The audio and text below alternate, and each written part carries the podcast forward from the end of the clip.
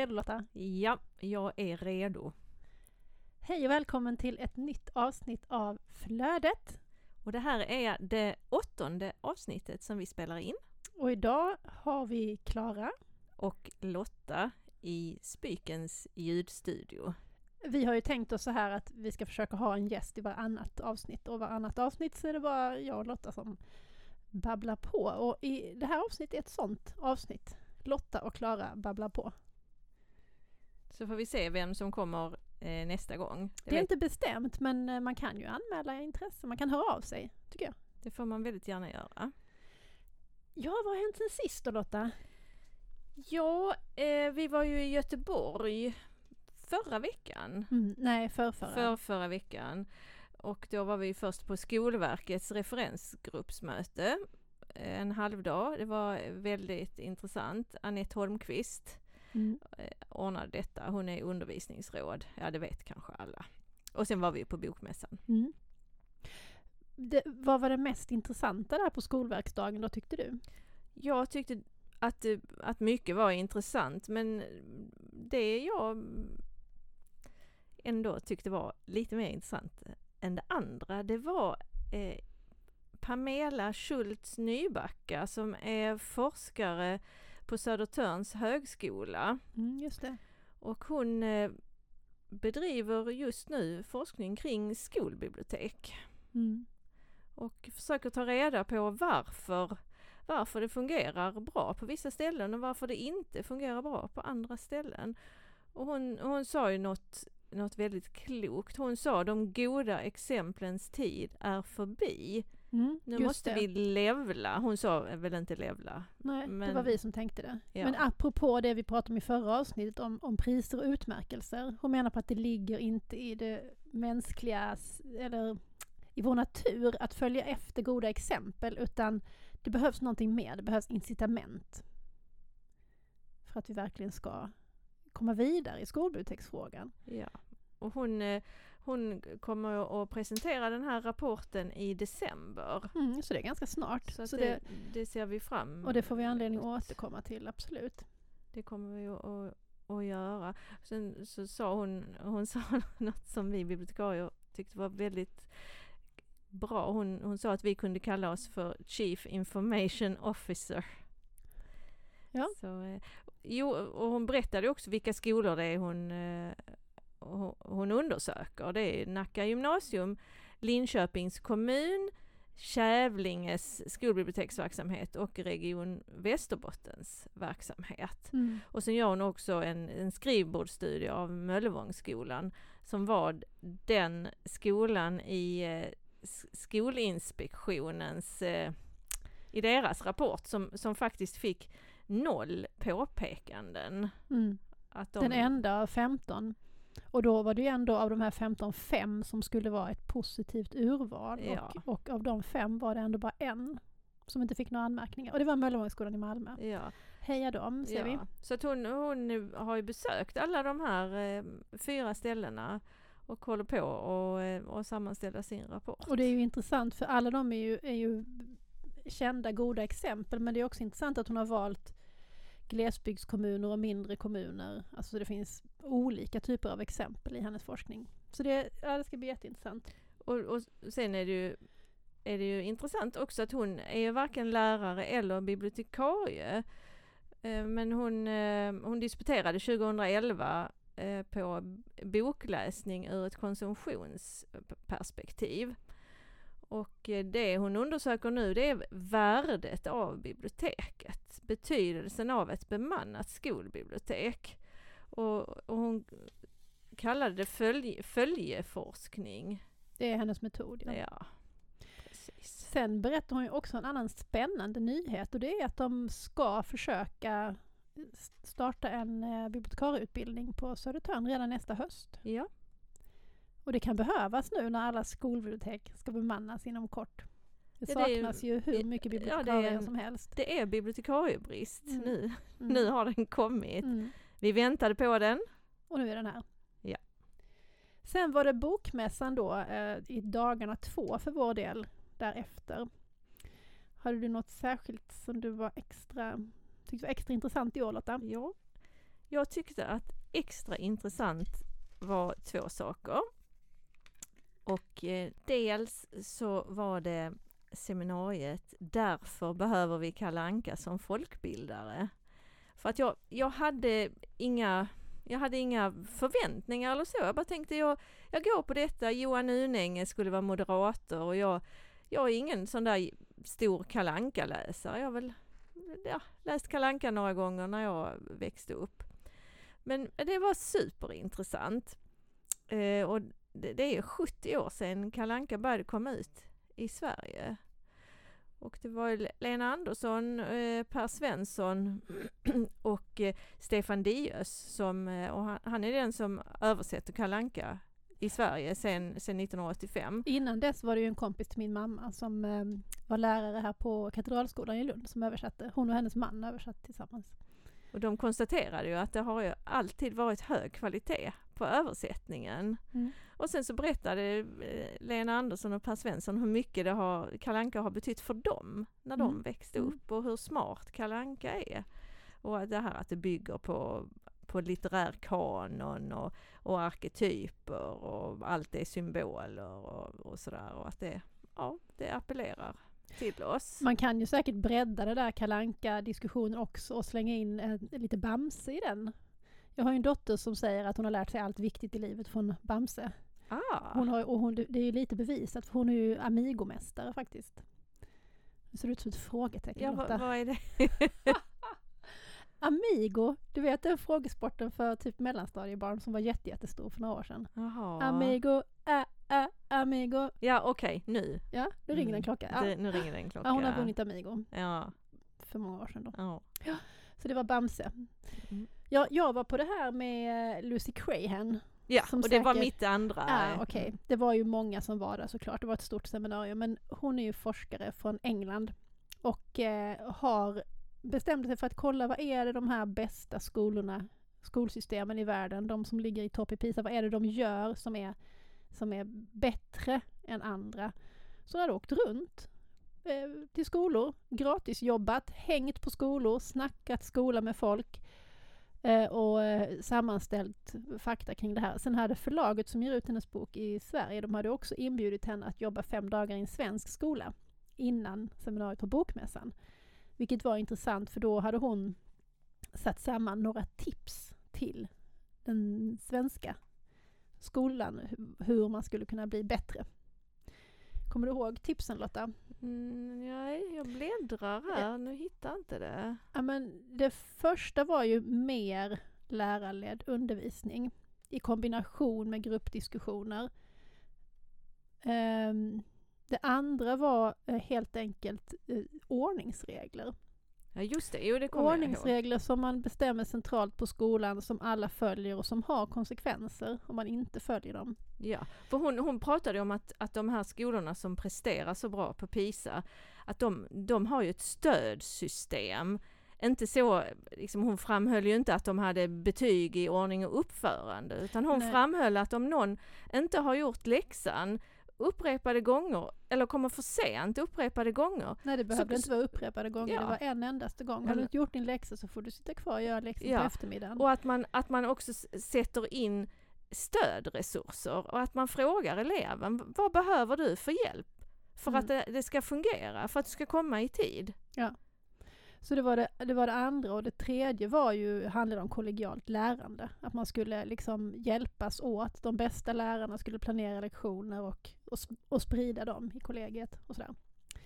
Så att det är, det är inga jättestora saker egentligen. Det är ganska små organisatoriska förändringar och sm ganska små pedagogiska förändringar som skulle kunna göra stor skillnad enligt henne då. Och hennes bok som har kommit på svenska, den heter, kommer du ihåg? Den heter Cleverlands. På, eh, svenska, på också? svenska också, Aha. ja. Cleverlands och så finns det en, en undertitel. Ja. Som jag inte kommer ihåg. Och när jag satt och lyssnade på henne så, så tänkte jag på, på vårt kollegiala lärande. Och hur mm. mycket det ger när vi, när vi eh, delar med oss. Och att askultera hos en kollega. Jag var ju uppe i, på högskolan i Kristianstad och, och var med på eh, Pernilla Tejeras eh, lektion. Det lärde jag mig jättemycket av. Mm.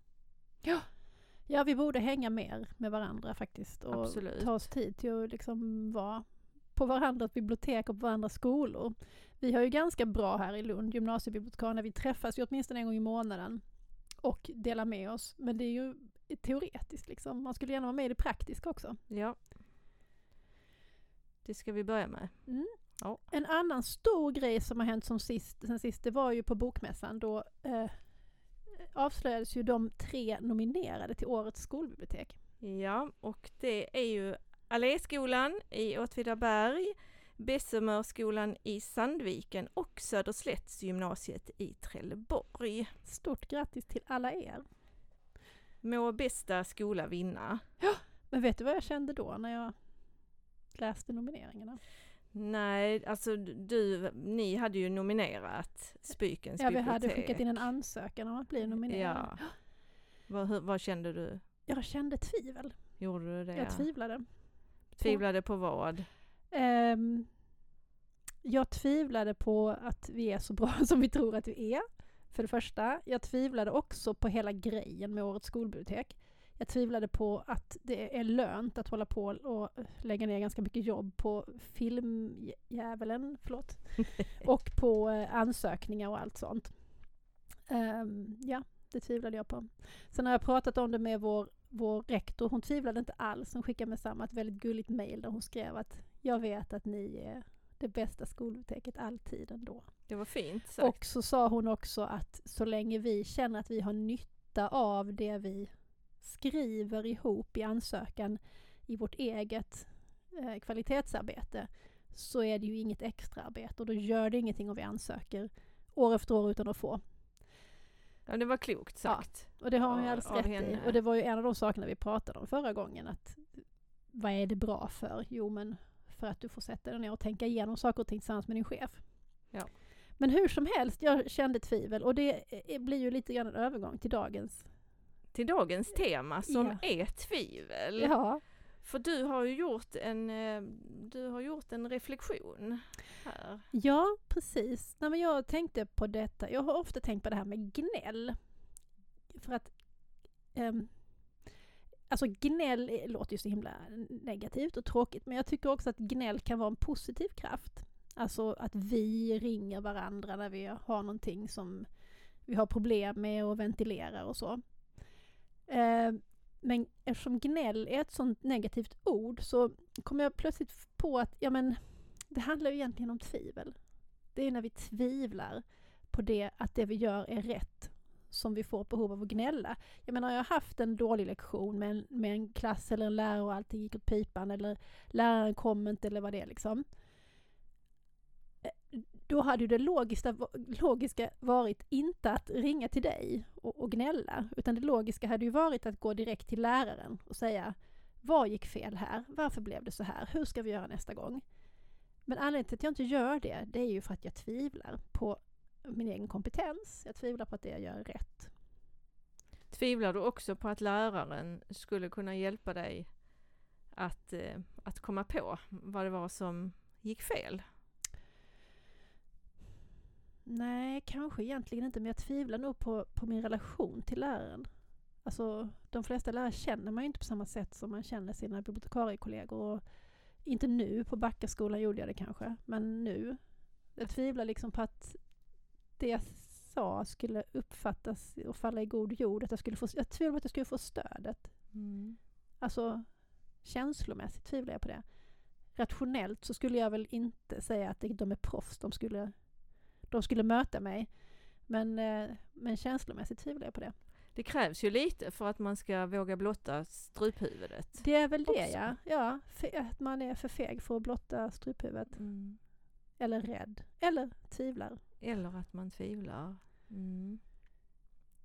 Vi, vi, kan ju Nej. bara säga att vi har, en, vi har ju en historia kring det här med gnäll också, du och jag. Ja, har vi, vi har nog pratat om det i tidigare avsnitt men när vi började jobba i skolan, bägge två, då, det som jag kände var att jag saknade, jag har jobbat ganska kort på folkbibliotek innan, men jag kände att bibliotekarier var en väldigt positiv arbetsgrupp att jobba med. De flesta var positiva och glada i sitt jobb och sådär. Och så kom jag till skolan och jag tyckte att lärarna gnällde så förbaskat mycket. Och du upplevde samma sak, eller hur? Ja, att det var där i, i kafferummet att det var, det var tungt. Det var, mycket det var tungt i, emellanåt, ja. att det var lätt att dras in i det. Ja. Och så kände vi att vi måste skapa en motrörelse mot det här, så vi bestämde oss för en, en ganska ettrig liten slogan, men vi bestämde oss för att våga vägra vara missnöjda. Och det, det har hjälpt mig väldigt mycket genom åren. Ja, faktiskt mig också. För det är, det, det är ju ganska låg framgångsfaktor med att sitta och gnälla i kafferummet. Nej, alltså gnälla kan man absolut behöva göra som ventil, precis som jag sa innan. Men sen finns det ju saker som man inte kan ändra på och de är inte lönt att älta. Och sen finns det saker man kan ändra på och de får man ju åtgärda. Så själva gnället, när du väl har pyst ut, pyst ut det du behöver pysa ut, så har det ju ingen funktion längre. Då är det väck. Då måste det vara väck. Men du har ju snackat runt lite med din, eh, dina lärare i filosofi va? Ja, jag, eh, jag har pratat med min kollega som heter Alexander Löv och han, han sa till mig att tvivel är ju existentiellt. Att det har att göra med att vi funderar på vad vi ska använda våra liv till och att, att vi människor, att vi, att vi har en fri vilja. Och att de, de killarna som har sysslat mycket med detta, det är ju Kierkegaard, Sartre och Nietzsche. Men sen tog han ju upp Descartes. Mm. Det var ju den stackaren som frös ihjäl i Stockholm som drottning Kristina tog hit och sen fick han inte åka tillbaka till Paris. Det var väldigt kallt här och han... Undrar om hon tvivlade på om hon hade gjort rätt? Ja, hon var nog bergsäker. Men han, ehm, han har ju då gett upphov till det som vi kallar det kartesianska tvivlet. Att, att jag vet varför det här har skett men jag ska ändå tvivla. Det är någon slags ödmjukhet inför att det kan finnas andra förklaringar. Och också att, att allt, allt ska kunna eh, kritiseras. Det känns lite som att tvivlet i den här kontexten är som urkällan till det kritiska tänkandet. Liksom. Vi ska kunna, och då, och då hänger det också väldigt starkt ihop med bibliotekarieprofessionen. Ja. Vi ska kunna ifrågasätta eh, källor innan vi liksom tar dem för givna. Då får vi en kille till bredvid Ranganotan. Ja. Descartes, ja. helt enkelt. Ja. Ja. Eh, så att tvivla, det är liksom eh, en, en mänsklig sysselsättning som, är, som kommer sig utav att vi kan, vi, vi, vi tänker. Ja. Vi, vi, vi kan tänka och då måste vi tvivla. Det är ju eh, han som har sagt jag tänker, alltså är jag. Mm. Mm. Jag trodde det var Nalle Puh, men var det inte. han har nog sagt det också. Men så hade du, du hittade en, en, en Ja men det finns ju en, tvivlare, en, en känd tvivlare i Bibeln, Bibeln också. Eh, Thomas, tvivlaren. Och han tvivlade ju på, jag tror att det var själva uppståndelsen faktiskt som han tvivlade på. Jag är inte så bibelsprängd precis men eh, men han fick bevis för att det var det som, för att det var sant. Och när han väl hade fått bevisen då åkte han iväg till Indien och blev den största aposteln av dem alla och missionerade kors och tvärs.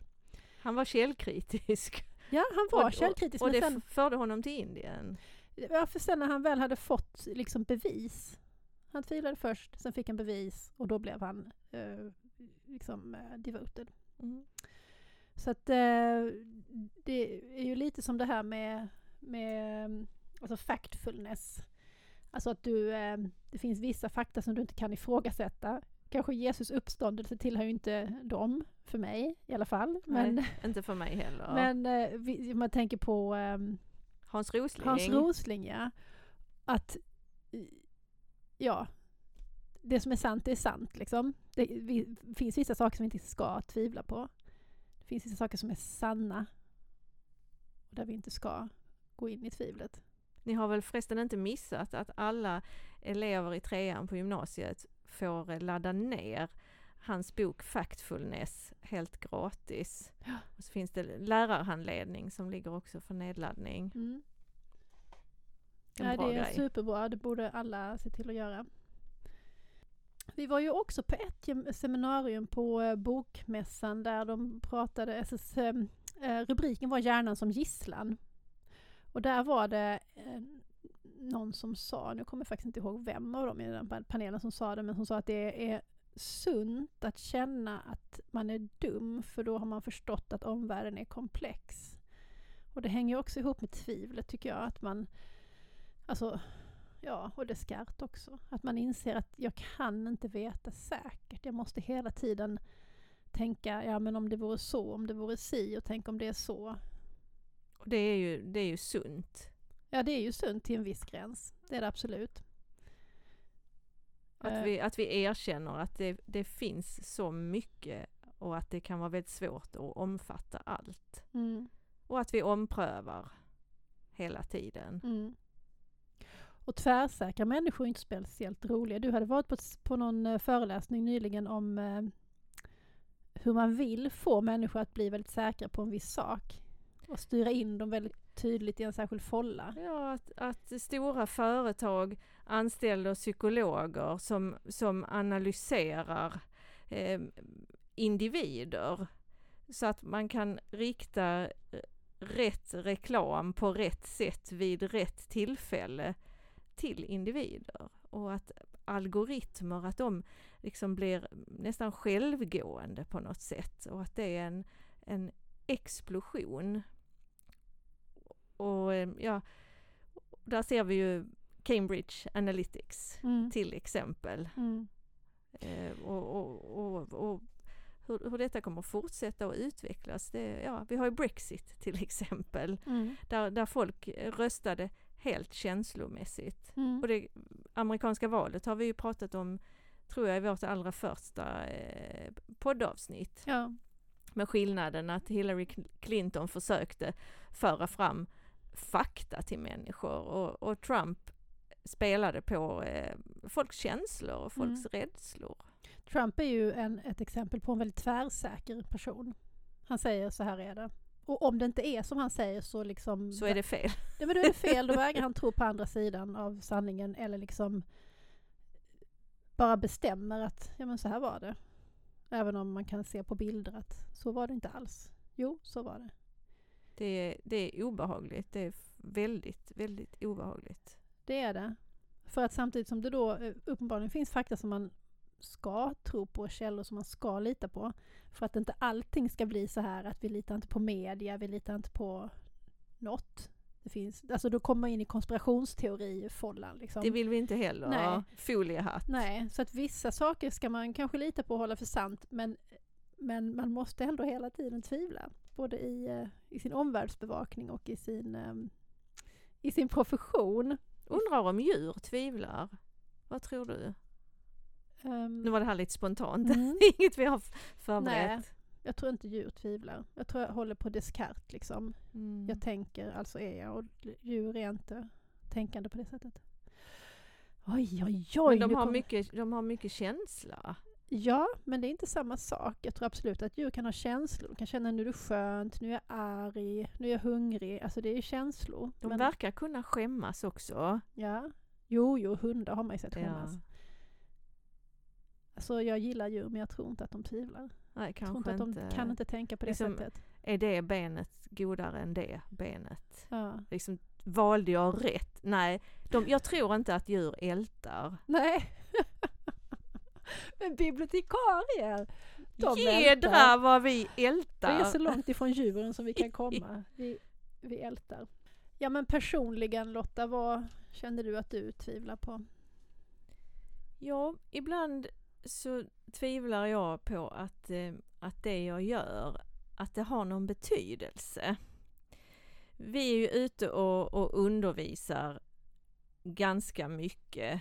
Vi, vi, har, vi har en plan som vi arbetar efter på Polhemskolan och eh, alla elever får lektioner i hur de ska hantera databaserna och hur de ska tänka kritiskt när de letar efter information och lite grann kring algoritmer och ja.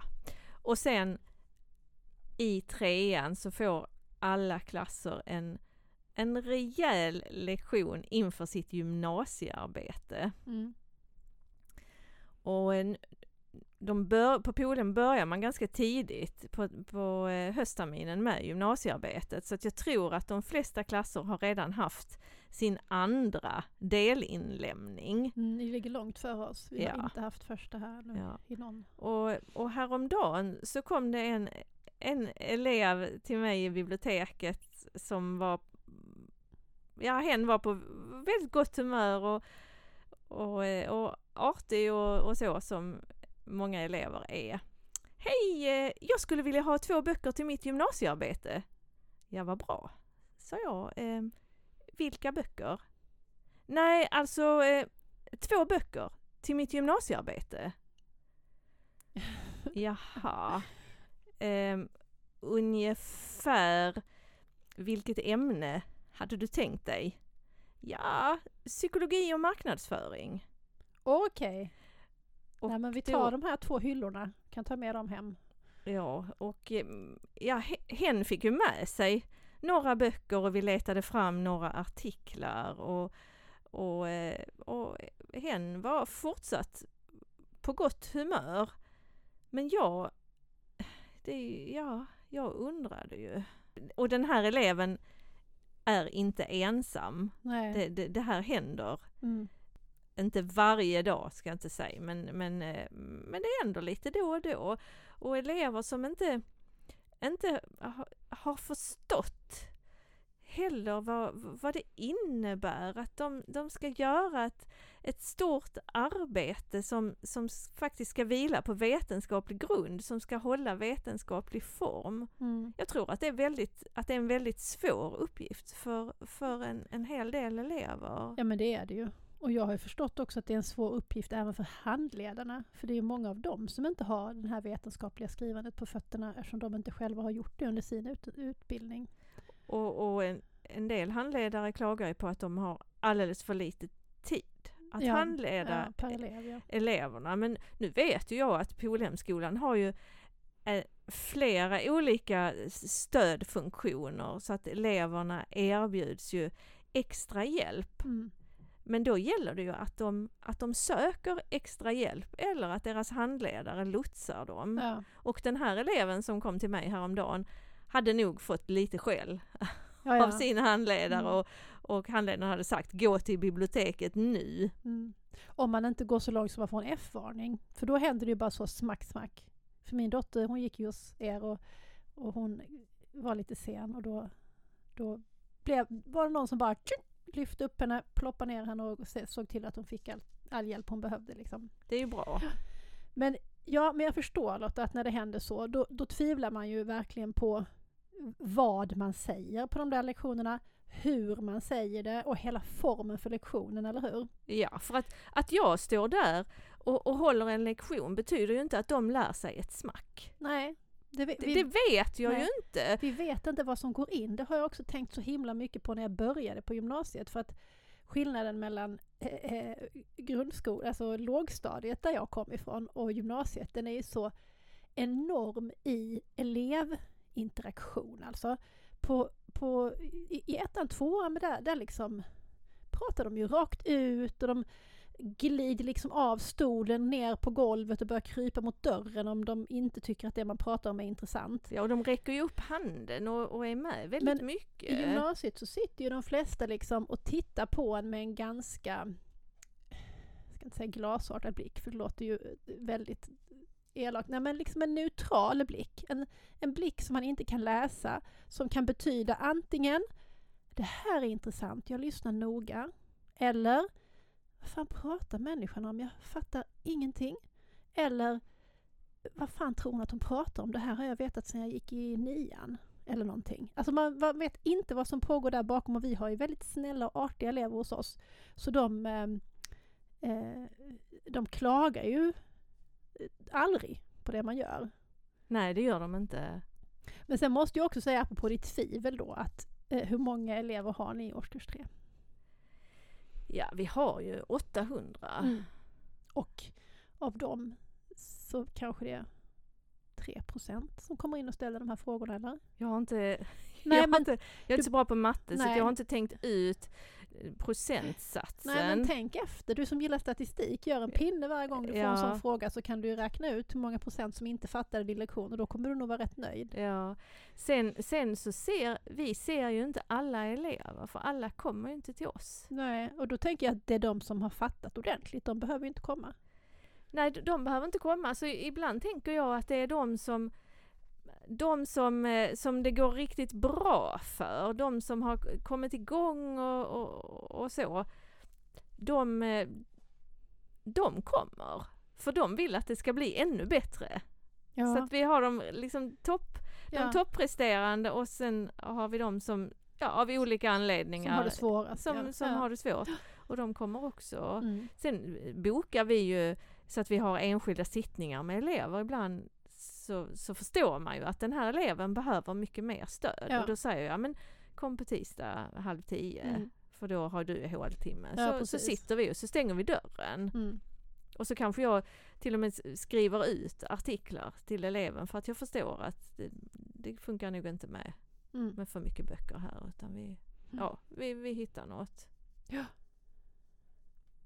Men jag tvivlar också ibland när jag har bokprat, även om det är min absolut bästa grejen. Jag ja. älskar att bokprata. Ja, jag håller med. Och så bokpratar man kanske om sju, åtta titlar och sen så, så lånar de helt andra böcker än de man har pratat om.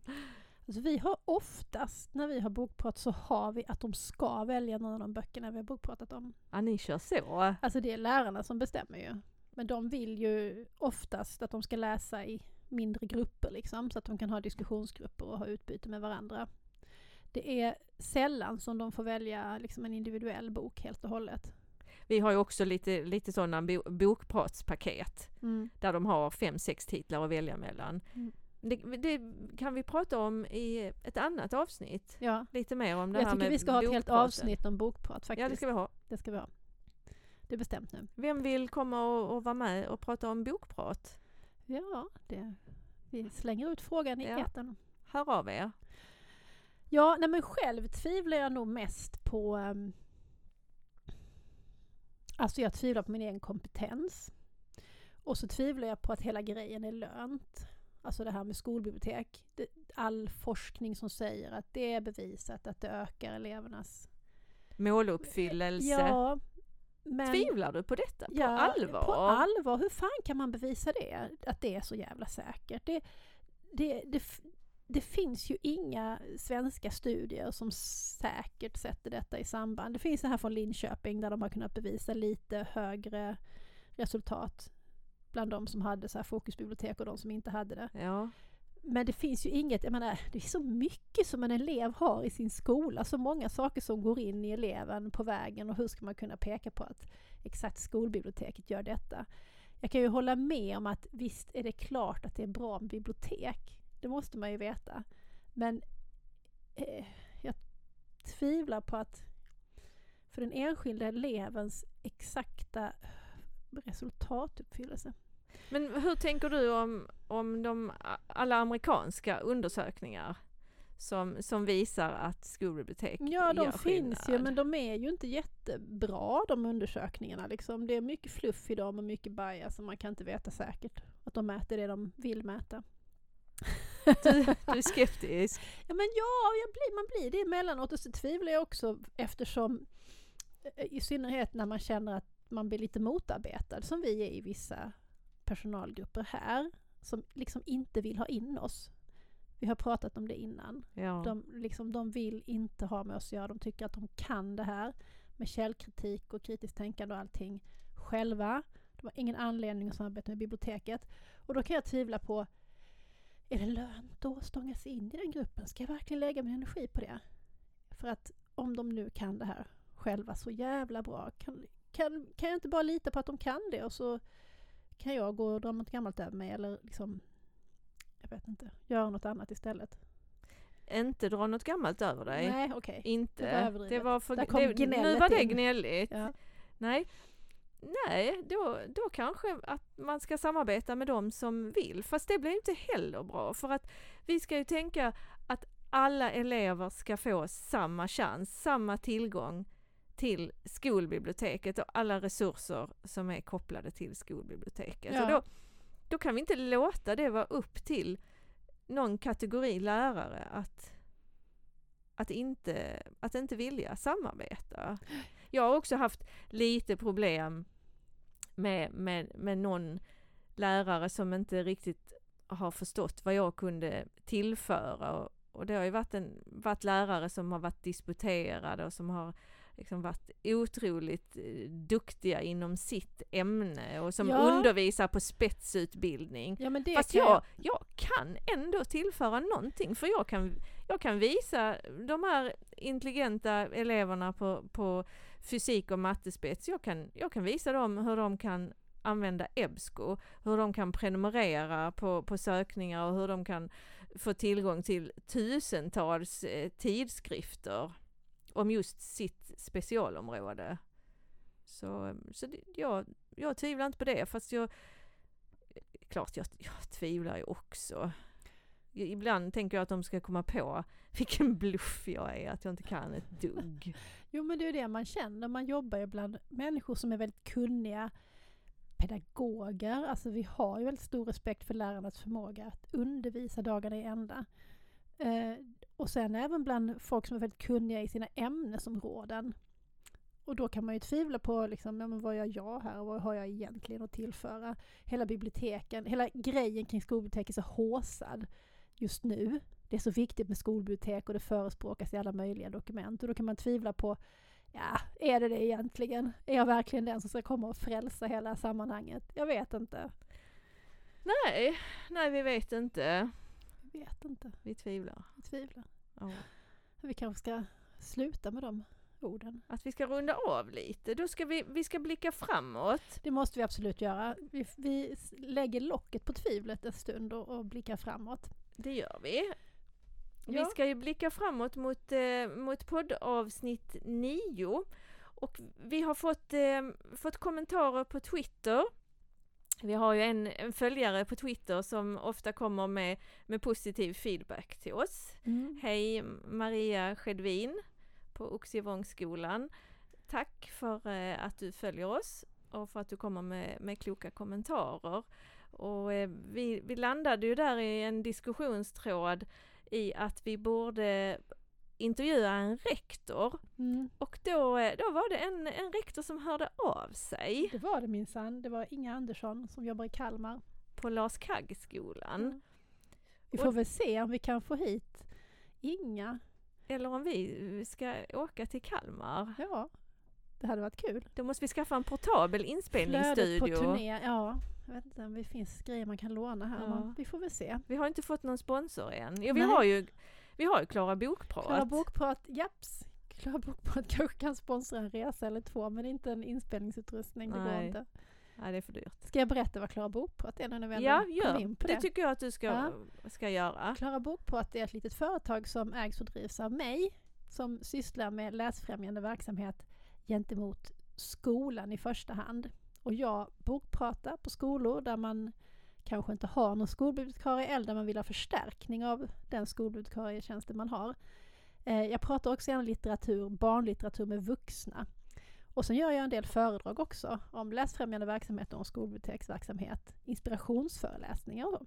Och en del av dem gör jag tillsammans med dig Lotta. Ja. Vi ska ju ha praktika på BTI i höst hoppas vi. Ja, i början av november. Ja kommer vi att ha en, eh, en hel dag för lärarbibliotekarier. Mm. Och den kursen har vi tillsammans med Kristina Strömvall. Just det, som var med oss i förra avsnittet här. Så att du och jag kommer att prata organisation och informationssökning och ja, mm. lite sånt. Mm. Och så kommer Kristina att ha hand om bokpratsdelen. Ja. Ja, så det hoppas att det kommer många som anmäler sig till den. Sen ska vi också till Stockholm, både du och jag, fast då pratar vi inte tillsammans. Då kommer du prata med ditt skolbiblioteksgäng från Polhemskolan på den här konferensen som heter Skolbibliotek 2018. Och du ska prata om läsfrämjande? Jag ska prata om läsfrämjande verksamhet i skolan. Hur man kan jobba eh, just i skolan och för att få läslusten att räcka eh, utom skolans väggar liksom. Men sen ska du till Växjö? Mm, det ska jag också göra ska till Växjö och träffa bibliotekarieeleverna där och då det, ska jag prata om bokprat. Eh, digitala bokprat och eh, analoga, vanliga gamla bokprat. Det är full fart i höst helt enkelt. Ja men det är november, allt detta händer i november så det är min jobbmånad. Så det är då det händer. Det blir en härlig ja. månad. Ja, så, i, i, så det kan ju hända att det blir ett litet hopp här. Vi får se om vi hinner med ett till avsnitt i slutet på oktober innan det brakar loss. Ja, vi får se. Men vi vill gärna prata med en rektor och vi skulle nog också gärna vilja prata med Maria Sjödvin. Det vore ja, det vore, jätteintressant. Det vore väldigt kul om, om Maria ville komma hit och babbla loss med oss. Ja. Då så. Kanske taskigt att säga det så här i, i podden för så vill inte hon och så blir det jobbigt. Ja, vi hoppas. Ja. Vi, vi håller tummarna. Vi håller tummarna. Då ska vi ta och eh, knyta ihop säcken här. Ja, vi ska säga hej och tack för denna gång. Och så vill vi ju passa på att tacka Spykens medielärare. Ja, det gör vi för ständig backup och support. Erik och Kristoffer, tack ska ni ha. Ja, och så tackar vi rektor Torbjörn på Polumskolan som har skrivit vår jingel. Och så vill jag tacka dig Klara. Ja, jag tackar dig Lotta. Och så tackar vi våra fantastiska lyssnare också. Ha det så bra där ute. Ha det bra. Hej då!